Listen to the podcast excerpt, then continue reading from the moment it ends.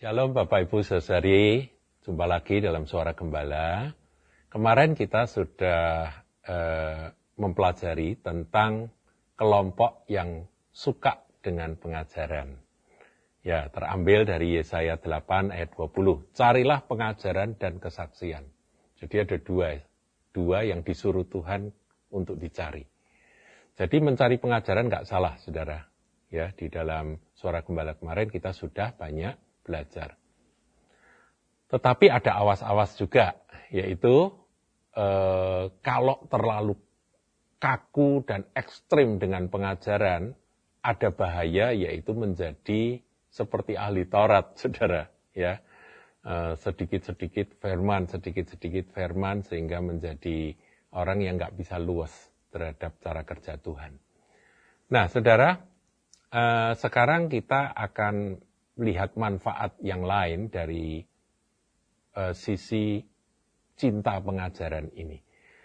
Dalam ukuran tertentu, saudaraku, sikap yang seperti tadi saya katakan bahwa mempertanyakan kalau ada pengalaman, pengalaman, kesaksian atau apa pun, selalu diuji dari firman Tuhan. Apa ada ayatnya yang menopang akan apa yang sedang dialami itu? Nah, saudaraku, uh, dalam ukuran tertentu, saya katakan dalam ukuran tertentu, sikap menguji dan menguji ini dibutuhkan oleh gereja. Jadi gereja membutuhkan sikap eh, seperti itu. Untuk apa? Untuk menjadi rambu-rambu yang menjaga umat Tuhan dari penyesatan.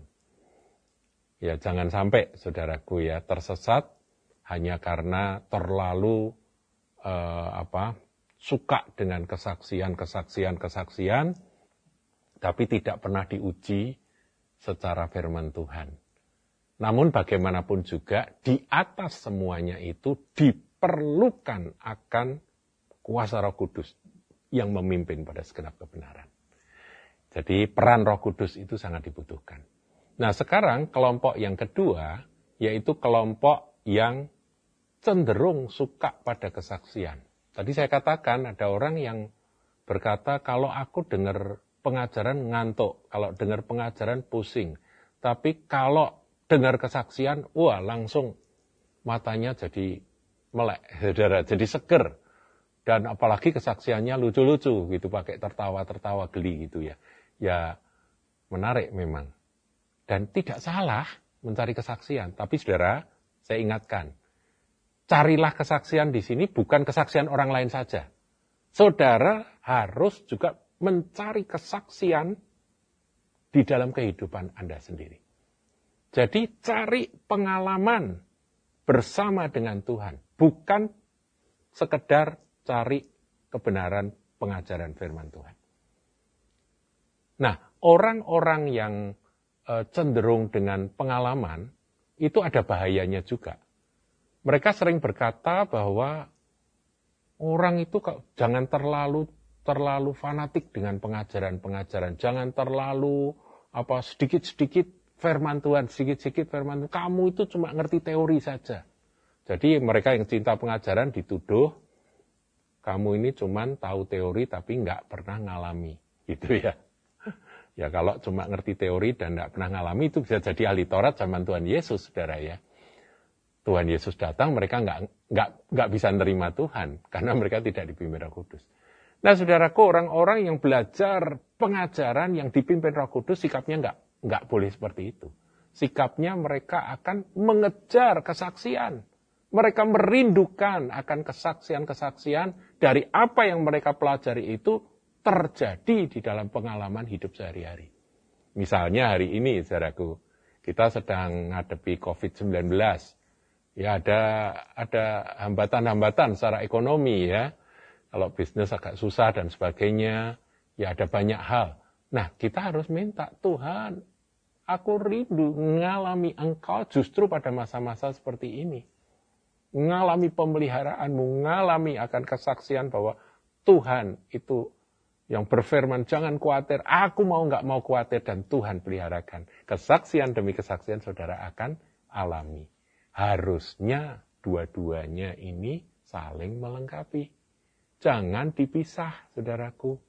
Kalau dipisahkan, bisa sesat, saudara. Yang satunya bisa jadi uh, ahli Taurat, orang Farisi, yang satunya bisa jadi ya perdukunan, saudaraku ya, kesaksian-kesaksian, wah begini roh memimpin begini, tapi nggak ada dasar firmannya, berbahaya sekali.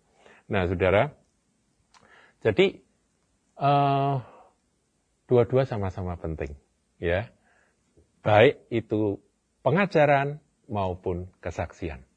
Jadi dua ini jangan dibenturkan. Nah, Bapak Ibu, selama masa-masa ini saya mendorong Anda untuk dua-duanya. Dua-duanya. Cari pengalaman pribadi bersama Tuhan bagi Anda sendiri. Juga pengalaman-pengalaman pribadi dari orang lain. Tapi harus diuji loh, saudara. Sebab banyak juga orang-orang kesaksian hebat-hebat, spektakuler. Tapi ternyata bohong, saudaraku ya. Saudara harus minta roh kudus itu memberikan karunia discerning spirit atau e, roh yang bisa membedakan. Ini benar atau enggak. Nah itu saudara butuh itu, karunia itu.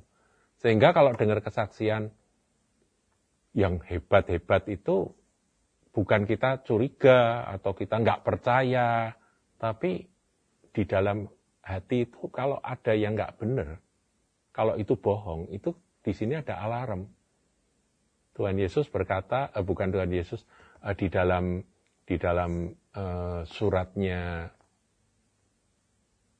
Rasul Yohanes, Yohanes menuliskan kepadamu ada pengurapan, di dalammu ada pengurapan sehingga kamu tidak perlu diajar, kamu mengetahui mana yang sesat, penyesat itu kamu tahu. Nah, saudara ini yang perlu kita miliki. Jadi sekali lagi kita minta Roh Kudus pimpin. Dengar kesaksian yang menguatkan iman dan oke, okay, oke, okay. tapi tidak semuanya ditelan mentah-mentah. Diuji firman boleh, tapi nguji terlalu kaku juga bahaya. Ya, bisa jadi ahli Taurat. Nah, saudaraku, itulah uh, dua sisi yang harus ada di dalam kehidupan Kristen kita. Tuhan memberkati.